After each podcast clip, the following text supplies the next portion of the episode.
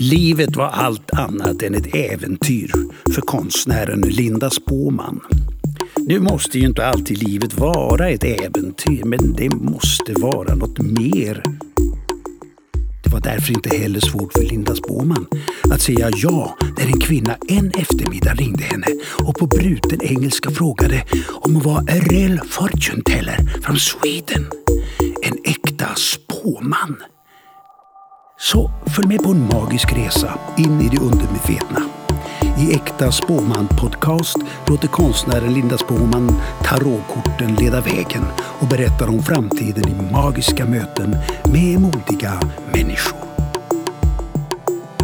Äkta Spåman Podcast presenteras av det magiska klädföretaget Elvine.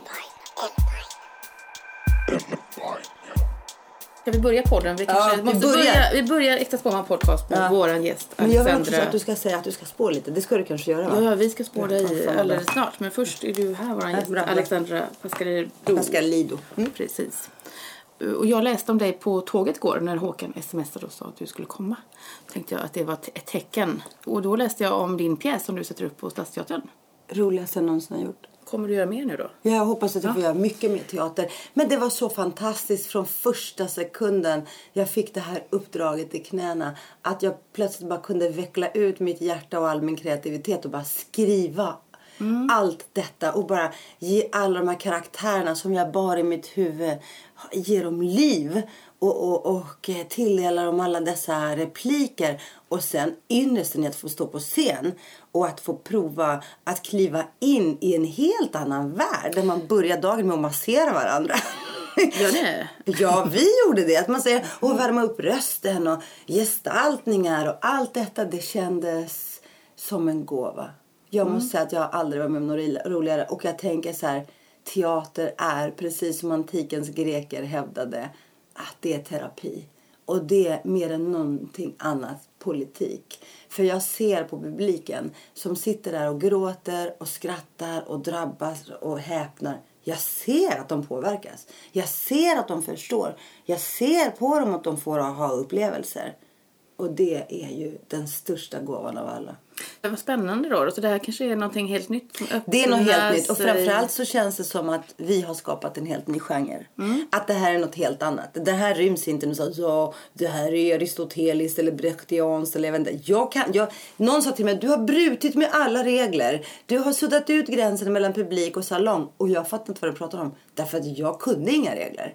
Har du tittat mycket på teater innan då? Eller? Jag har Ja. sett lite Norén och jag har gått på lite föreställningar sedan jag började eh, jobba med media som journalist och programledare. Så har jag fått jättemånga olika inbjudningar. Sen har jag gått på lite skumma off-Broadway teatrar och eh, eh, antika teatrar i Grekland. Så jag har gått en del på teater. Men jag är den här olydiga teaterbesökaren som kan gå vid pausen. För jag kommer plötsligt på att mitt liv är för värdefullt och alldeles för kort för att jag ska spendera det på den här föreställningen som inte berör mig.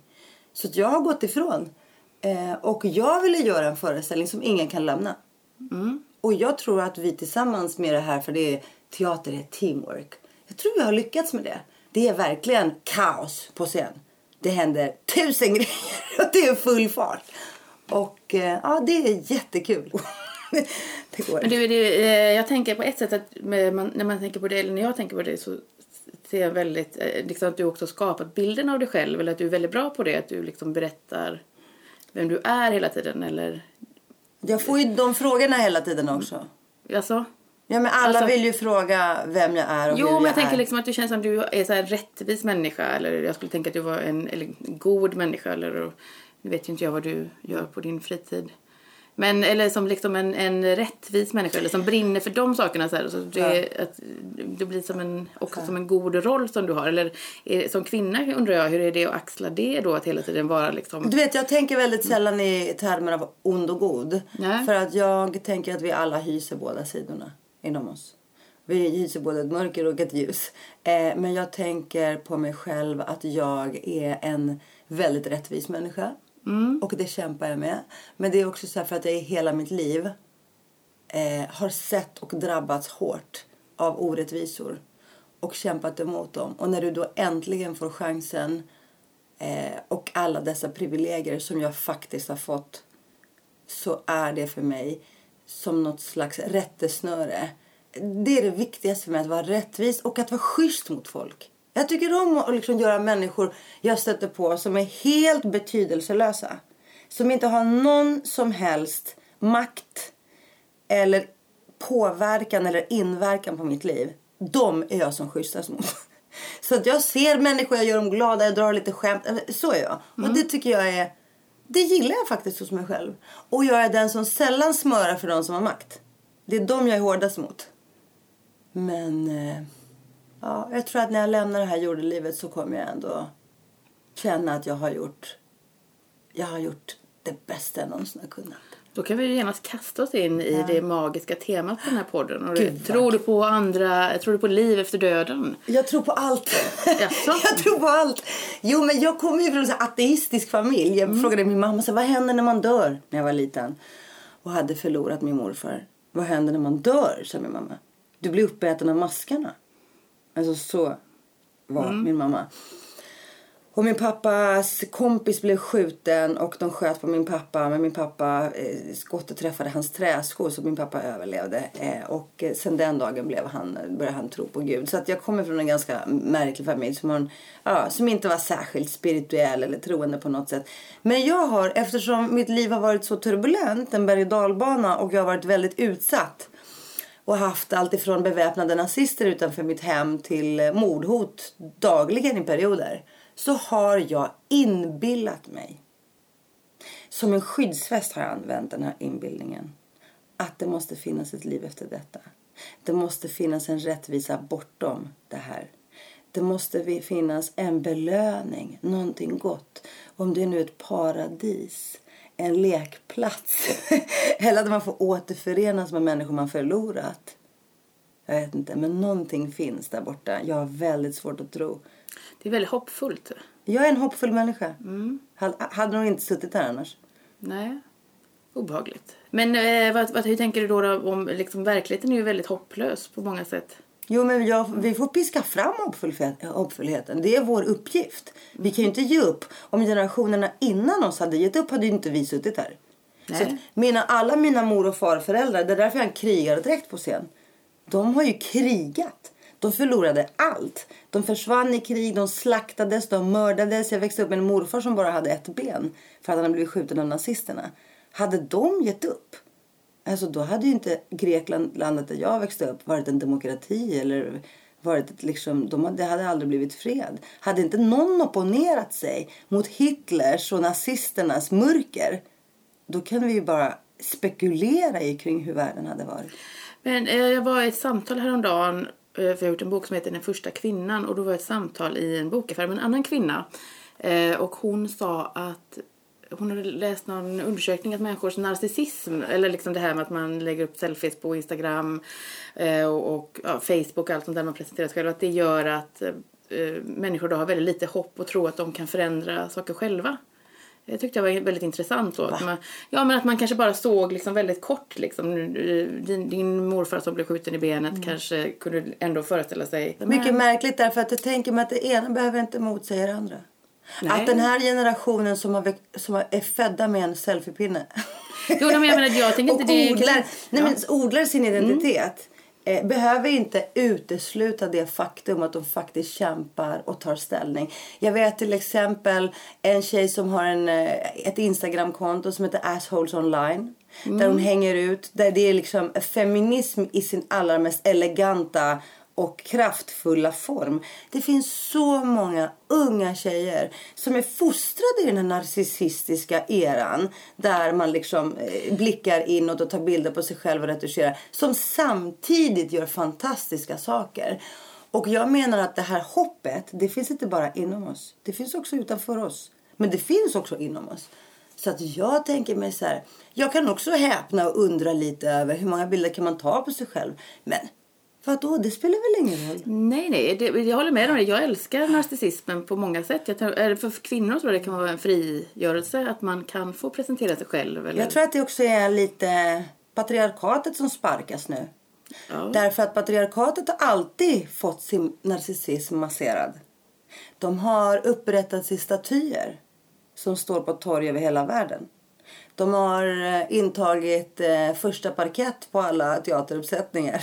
De har eh, varit eh, toppnamn i historieböckerna. Och nu kommer kvinnorna fram och man eh, försöker förringa dem genom att kalla dem för bloggerskor eller instagramstjärnor eller vad det nu är. Och eh, nu när kvinnorna försöker ta plats så är det många som försöker på något sätt förlöjliga det där. Du har ju blivit spådd förut. Många gånger. Jag älskar spådomar. Ja, vad roligt. Även om de faller liksom helt utanför verkligheten. Nej men alltså det finns ju en spådomskultur i Grekland där jag växte upp bland gamla gummor där de spådde i kaffesumpen. Och jag brukar lura mina kompisar och säga att jag kan spå dem och sen säger jag bara jättebra saker. Men sen har jag ju varit, när jag har varit desperat i mitt liv eller känt att jag är framme vid återvändsgrändar eller känt mig väldigt, väldigt ensam så har jag då sökt min tillflykt i spådomens eh, skrymslen och vrår. Och eh, det har hänt när jag varit i Bolivia, i La Paz. Eh, och det var så intressant för då, eh, då var jag verkligen, jag hade lämnat Sverige efter att allt fruktansvärt hade hänt. Jag hade ett svart år och det var efter den här nazistaffären. Eh, och sen så kom jag dit, jag träffar en kille helt plötsligt som bara kommer ut i solnedgången i La Paz och visar sig vara från Solna. Helt sjukt. Men jag går till den här indianerna i alla fall. Och så säger jag, men berätta om mitt liv. Och han sa så här, oj du jobbar med, är du medium? Jag bara, va? Medium? Nej absolut inte. Till slut visade det sig att han menar media. Men han hade liksom ingen koll på sånt. Och så sa jag så här, jag har träffat en kille. Hur kommer det gå? Visst kommer vi gifta oss och skaffa barn? Och han är den enda rätta. Han bara, nej nej nej, det här kommer ta slut om ett år. jag bara, nej du vet inte vad du pratar om. Jo, jo, jo, sa han. Det, det tog verkligen slut efter ett år. Det var helt galet. Men jag har varit i Gambia i, i någon lerig liten by i mörker utan el. Där en spågubbe eh, med helt vita ögon. Han tvingade mig att spotta i, em, i eh, inte koraller, små Snäckor, eller? Snäckor, tack så hemskt mycket för det ordet. Eh, så jag, jag tvingades spotta i snäckor och kasta dem ner i sanden. Och sen åkte jag på en utskällning för att jag var en vuxen kvinna utan barn. Som ännu inte hade gift mig. Men det var så intressant för det var så kulturellt Hur gammal var du då då? Nej men då var jag, då var jag 28, 29. Eh, och han sa, åh det finns några män, de har inget hår, de jagar dig, de har vapen men var inte rädd för det finns inga kulor i deras vapen. Och det var ju också den här nazistaffären, då satt jag i rättegångar med de här. Så de har hittat saker som var helt otroliga och sen så tvingade han mig gå till imamen och till moskén, köpa tre ägg, offra dem och offra något till den här moskén och gå förbi tre gatukorsningar, sjunga för äggen och sen krascha äggen i den tredje vägkorsningen. Man önskar att det här också filmats. Men det sjuka är det fanns inga vägkorsningar. Det var bara lera överallt. Det fanns inga vägar. Det var kolmörkt. Jag såg ingenting. Ändå gick jag där som en tönt. Och bara, ja, hoppas eh, de här fienderna avväpnas. Och jag var så rädd kommer jag ihåg. Men så gick jag där och så kraschade jag. Och sen gick jag tillbaka till honom. Då sa han, fem dagar. Om fem dagar är de gripna. Han visste ingenting om mig. Han kunde inte läsa eller skriva. Han fattade ingenting när jag snackade om rasism. För där satt jag och var vit. Där satt han och var svart. Efter fem dagar greps de här nazisterna, en nazistisk terrorgrupp som heter NS Stockholm. Så att jag menar, och sen har jag hört massa konstiga saker, att jag skulle få en massa barn och gifta mig, jag vet inte vad, som aldrig har hänt. Så att, jag vet inte, jag tycker bara att det är väldigt roligt. Mm. Det kan ju trigga igång en massa fantasi och Precis. bra grejer. Ja. Men den här spåmannen i Gambia känner jag att du borde ju tagit med till Sverige och startat en rörelse med. Kunde tjänat väldigt mycket pengar. Ja, pengar är inte så viktigt, men han var en jättehäftig människa. Men ska vi snabbt då eh, kasta oss in i denna? Om inte du också vill berätta om något annat. Eller liksom tror du på mystik och magi och... Ja, Ja. Jag, jag tror att det finns en massa änglar och jag tror att på något sätt att jag brukar prata med mig själv eller med här, mina förfäder för jag tänker mig att eh, alla de här är med mig på något sätt. Tror jag. Är du vidskeplig? Äh, jag bryr mig inte så mycket om sånt där faktiskt. Nej, jag Du vet. inga ritualer så för att få tur eller? Något som du bara måste göra för Jag hade någon gammal bra, eller? ikon med mig när vi vann Eurovision i Grekland när jag var programledare och jag har liksom haft jag har ju haft sån tur helt utan såna här små grejer. Jag har ju gått och vunnit en miljon i Vem vill bli miljonär? Tillsammans med Lena Ag. Liksom första kvinnan att göra det på åtta år. Jag känner så här. Jag behöver inte ha. Det enda jag har det är en tankekraft. Jag brukar intala mig själv. För jag har ganska dåligt självförtroende vilket man då inte kan tro. Nej, men, i Faktum, tidningen sa du att du spelar tuff. Eller? Ja, det har jag gjort hela mitt liv. Till slut har jag spelat så bra och övertygande att jag övertygat mig själv. Men då kan vi nästan återgå till det här första. att Du spelar en roll. Ja, det gör, precis. Jag spelar en väldigt eh, tydlig roll. Och, och det är så intressant för att den här tankekraften, när jag ska ge mig in i såna här svå- svåra utmaningar, då går jag bara runt och hjärntvättar mig själv. Herregud, det här Så är vill tipsa de som lyssnar på den här podden om det? Ja, men jag, det, det är bara metod. Ja, det bara säga så här, gud, det här är så roligt. Åh, det här ska bli som en härlig dans. Åh, nu ska jag få gå in och leka det här. Gud, vad jag kan det här. Det ska bli så roligt. Jag tror att, ja. Spännande då. Men nu tycker jag vi tittar in. Mm. Ja. Om inte du Håkan tänker på något här nu. Det, Håkan får bryta in. Mm, om han känner. Vi får ha det lite det är så litet bord nu men. Gud, vad härligt. Jag älskar det här. Då får du alltså dra ett kort. Som kan handla om din, ditt förflutna. Mitt förflutna. Och det är såna grejer som jag gör. Jag drar alltid med vänster hand för det är hjärtats hand. Man. Och då har vi solen. Och det är ett kort som handlar om att vara i centrum. Att vilja vara i centrum. Men det handlar också om kärlek och familj. Som du ser så är det ett, ett eh, par på kortet som är under solen. Vad tänker du att det skulle kunna handla om? Är det här mitt förflutna? Ja, Det här är väl mina barndomsdrömmar. var det det? Men vad, det känns också som att du ändå någonstans har fått din själv, liksom någon slags ändå vilja av någon. Eller en väldigt stark kraft, eh, ljus kan man säga. Ja. Ljuset i ditt hjärta kanske eller... Ja, jag måste ha fått någonting. Men jag växte upp hos min mormor. Så min mamma dumpade mig där för att hon inte hade råd att ha mig. Hon jobbade i en fabrik i Thessaloniki tre timmar bort. Så jag växte upp med mormor och det var tufft på många sätt. Men jag fick också väldigt mycket kärlek hos henne tror jag. Det jag minns. Och sen flyttade vi till Rinkeby och det var fullt kaos hela tiden. Och pappa Hade du varit borta från dina föräldrar länge då när det hände? Ja, jag var nog. Det där är mitt livs stora trauma. Jag känner mig alltid övergiven sen dess. Så det här är traumakort egentligen? Familjen eller Mm. Ja, familjen är mitt stora trauma. Okej. Så är det faktiskt. Men, men och sen så har det varit väldigt eh, turbulent i min familj. Jag hade en väldigt svår barndom. Jag sov nog inte på flera år tror jag, på nätterna. Det var jättetufft.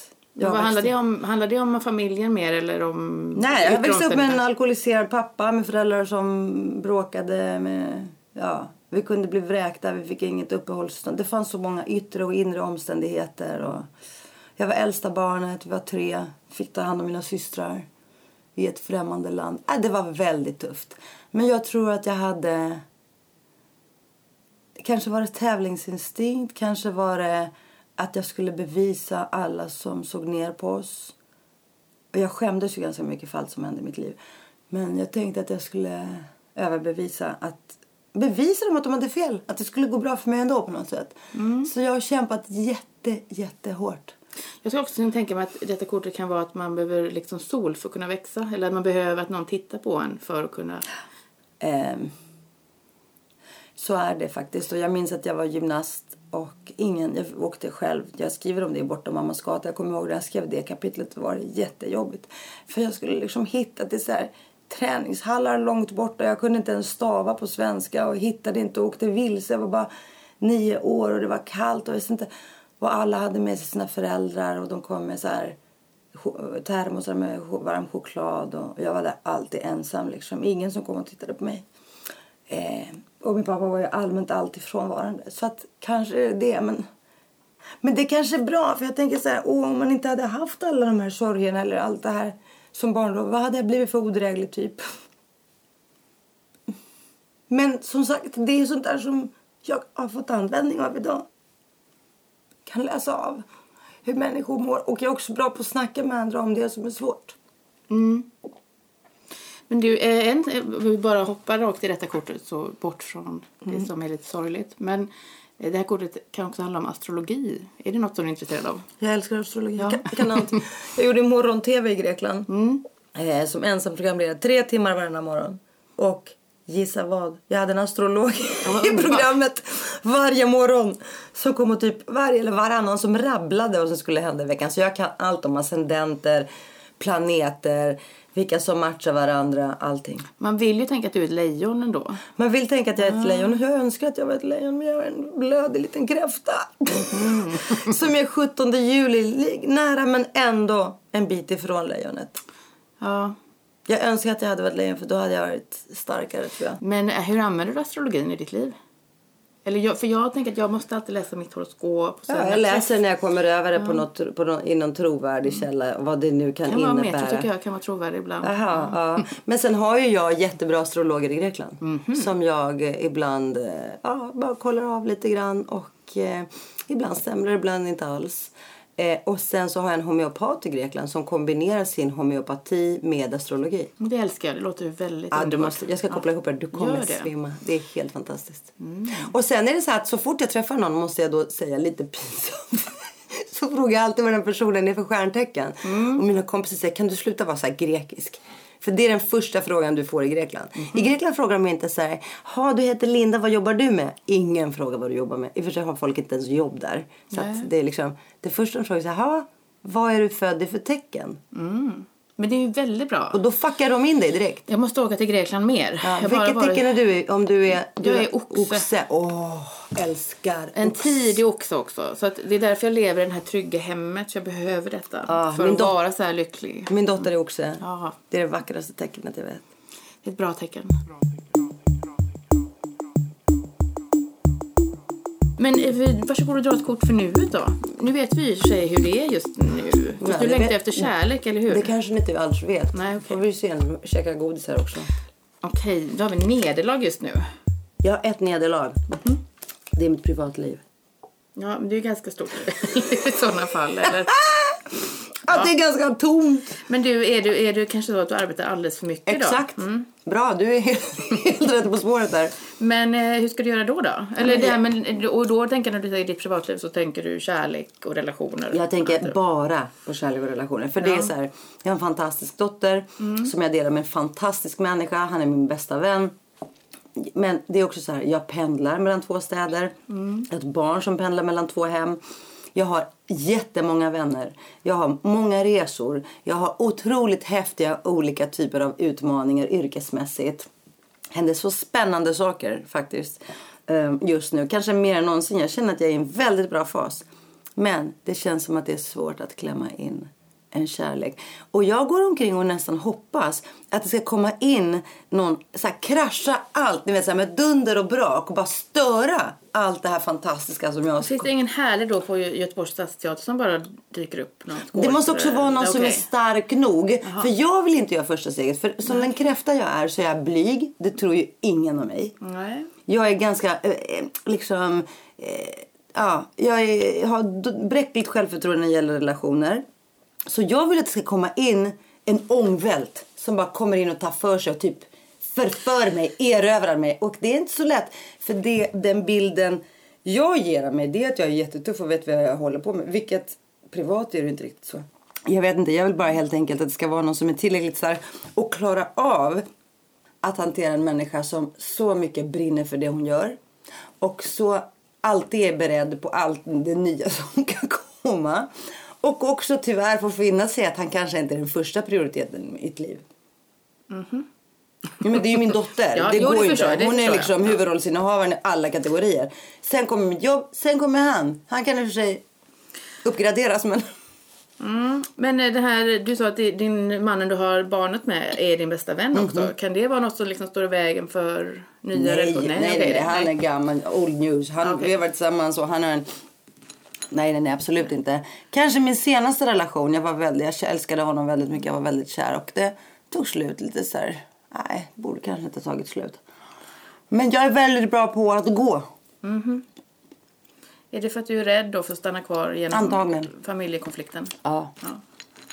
Så du är, eh, vad säger man, haunted av barndomen Ja, kanske va. i nya rela- ja. Men eh, nederlag då, vi ska ändå säga, du har ändå släppt Mm. nederlaget. Nederlaget är bakom dig. Jag vet inte, kanske. Jag har inte någon aning. Men Men är det här du- nuet? Kortet för Det här är nuet? ju nuet, ja precis.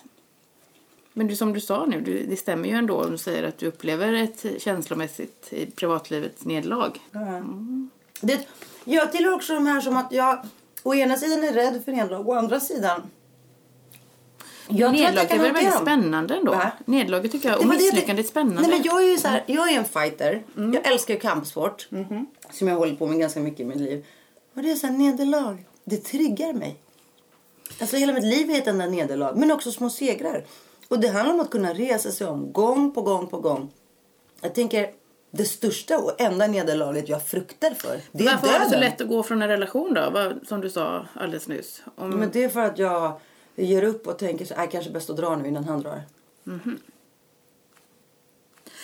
Ska vi titta in i framtiden då? Ja. Vad, har du några, liksom, önskar du något för framtiden då, förutom eh, bättring på nederlagsfronten då? Jag vill resa runt i världen ännu mer. Mm. Och en, en häftig roll också. Många häftiga roller, inte en. Nej, nej, inte en, men, jag menar, men vi önskar något Men bara, olika. Jag älskar det här livet, att jag gör olika saker. Mm. Men jag önskar mig framförallt att jag blir lika framgångsrik med att skapa en fantastisk familj och leva med min livskamrat. Skulle du vilja ha ett till barn?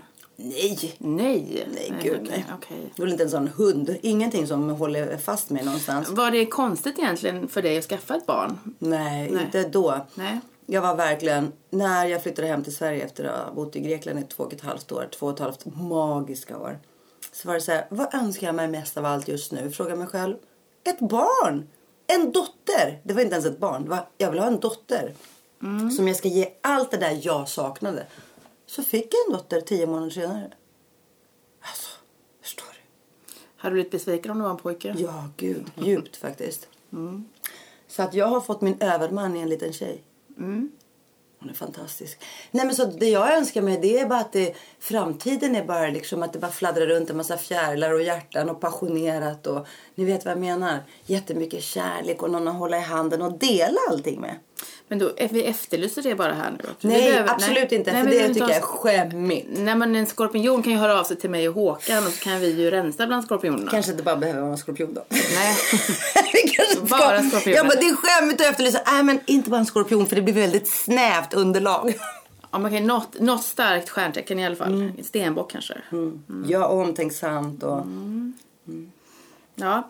Eh, och så rensar vi och så skickar vi dem vidare. Gud bra. Herregud, så kommer ens- tillbaka sen då. Ja. När ni är gifta och Så jättelyckliga. får ni komma till det här bröllopet som kommer på en liten eh, grekisk ö. Eh, men du, vi tittar in i framtiden då och så... Ja. så men du, eh, om det blir ett negativt kort här, kommer det vara så här, går du iväg här och bara Nej, nej, nej, nej, nej. nej, nej. Är du inte rädd för någonting? Jag är inte rädd för någonting, bara döden som sagt.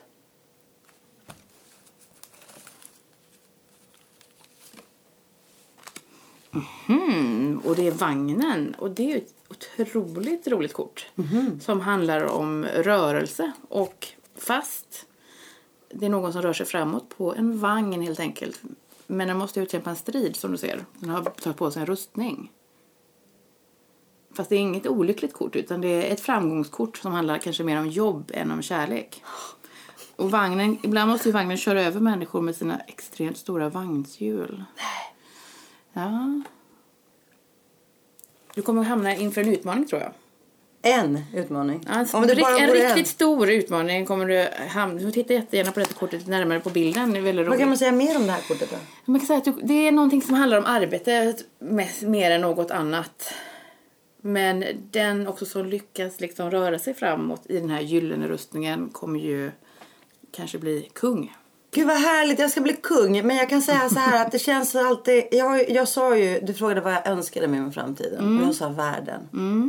För jag tycker att eh, jag vill sudda ut alla gränser. Och jag vill bara kunna röra mig fritt. Och jag känner mig så hemma på så många olika platser. Jag vill kunna resa. Och att resa i en vagn känns ju också samtidigt väldigt tryggt. Men det kan ju också vara ett bagage man har med sig i en vagn. Annars skulle du... Men något bagage måste man ha med sig. ja, Eller hur? Men ska du inte ta och släppa ditt bagage? Ja, jo, hur gör man då? då? Ja, det vet ju inte jag då. Ja, men jag vill inte köra på de här djuren som kör på folk. Det vill man ju inte vara med om. Nej, men ibland, jag tänker för också för att nå sitt mål kanske, kan man ändå inte säga det? Att ibland måste man... Jag vill inte tro det. Jag, jag vill tro, jag har i alla fall hittills inte kört över några människor och inte trampat på folk för att klättra. Ehm, så att hittills kan jag säga att jag inte har gjort det. Och jag vill också övertyga människor om att man faktiskt kan ta sig fram på andra sätt. Men den här rustningen känner jag väldigt väl igen mig för den har jag haft. För jag har fått väldigt mycket stryk i livet. Och du har ju rustning skit. på dig i pjäsen också sa du ju. Jag har rustning på mig hela livet. Ja, Även ja, nu har jag på mig rustning. Jag har på mig Ja, rustning jämt. Men det känner jag också att du har. Men eh, det är... Det är också det som gör det intressant tänker jag. Eller, vi Men man måste väl mellan. ha, alltså jag har väldigt svårt att tro att det finns någon människa eh, som går runt utan en rustning. Utan ett skydd. Nej, det stämmer ju säkert. Så du får ytterligare ett skydd. Ja, precis. Du kommer få ett kraftkort. Den här kortleken har jag alltså ritat själv. Och för denna får du dra ett kort som Men får, det här, åh, det här är... får bära med dig i väskan. Vad drar jag? Drar jag ett eller Ja, du får dra ett kort. Gud vilken cool. Vad är det här då? Slöhet. Men det här kortet kanske handlar om att du aldrig någonsin får slappna av. Men Det där kanske vad jag behöver. Ja, precis. Eller vad vad var frågan? Du, kan, du, du kanske behöver helt enkelt ta och slappna av eller vila eller liksom inte behöver du inte vara bäst. Du kan eh, släppa din, ta av dig rustningen och gå och lägga dig kanske. Och öppna ditt hjärta lite. Släppa in någon. Jag tycker jag släpper in vem fan som helst. Nej! Men du jo, kan, men det här får jag dra ett kort jobb. till? Ja, dra ett kort till. Gulliga. Vi, vi, Nej, det här. Jag tror att slöhet... du vägrar acceptera ditt öde. att Nej, du nej, ska nej. Men slappna av. du, jag tror slöhet är min, min stora utmaning. Ja. Jag, jag, jag Men du, upp- du får ta med dig slöet ändå tycker jag. Det- det Du vet vad jag menar? Att jag, jag kan ibland inte ens lägga mig på en soffa och läsa en bok för jag känner mig lat. Kan du förstå? Jag förstår precis. För jag får Jag jättedåligt samvete så fort jag inte gör någonting då. Eller, Men jag har ju aldrig sett, i och för sig, när jag växte upp, har aldrig sett en vuxen ligga på en soffa och läsa. Nej. Så att det är också, för jag, jag har en kompis som sa så här, jag minns alltid min mamma var så lycklig när hon låg där och läste. Men du, de här, du har ju sån här retreat på, eller man kan åka på. Men då uppmuntrar du väl ändå lite till avkoppling? Nej. Och, nej. Utan det är ju så att jag inspirationsföreläser, de får göra massa samtalsövningar. Eh, vi yogar, jag kör kampsporter med dem. Men sen så är det så att de får le- ledig tid mitt på dagen. Då ska de helst göra lite egna övningar i sina dagböcker och lite sånt där och tänka igenom sina liv och såna saker. Så att, ja, det är ju inte så att de bara ligger på, och framförallt ligger inte jag på något sofflock. nej, nej, det förstår jag också. Mm. Men eh, det här, ska, om jag får ta med mig det här kortet Ta så... med det. Jag tycker ändå du kan ha det, men du får dra ett kort till ändå. Du vägrar acceptera det ödet. Där. Misslyckande. Ah, det där får du tillbaka, jag vill inte ha det där kortet. Men, du får, okej, men dra ett till kort. Du får dra tre kort här då. Men misslyckandet är ju det som du är rädd för. Ja, just det. Mm, så det, jag menar, Men det är inte alla rädda för att misslyckas. vi sa ju just att misslyckande var något bra också. Ja men det här är väl bra. De här korten är jättespännande. Då får du alltså slöhet, misslyckande. Det kanske handlar om att våga vara slö, då som ett fult ord i vårt samhälle. Att misslyckas som vi tycker är spännande fast väldigt obehagligt. Men för att misslyckas kan man bli herre och få herravälde. Du ser det här är en person som här har vi återigen föräldrarna i det här kortet också. Det är ett barn som håller i sina föräldrar och bestämmer över alla husen. Du kommer ta kontroll. Så vägen till mitt herravälde Ja, går via slöhet och misslyckanden. Jag kunde inte ha blivit spådd på ett bättre sätt. Nej, men nu, nu måste du ha alla de tre korten. Är du säker? Gud, Ja. de är ju vackra. Vill du få får jag dem alla tre? Du får alla tre. Gud vad gulligt. Men du, tack Alexandra för att du kom Det är jag som till eh, Äkta Tvåan podcast. Och nu ska du gå och spela teater. Vi ska gå och spela teater och du måste komma och titta. Jag måste komma och titta. Ja. Kommer det heta, heta Bränd av solen det här avsnittet kanske? Bränd av sol.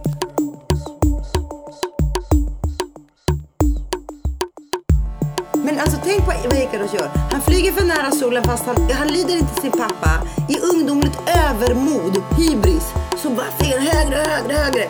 Hans fjädrar, vingar eh, smälter, han stupar i havet. Vad gör grekerna med en sån misslyckad snubbe? Döper ett helt hav efter honom. De döper en ö efter honom och de döper flygvapnet efter honom.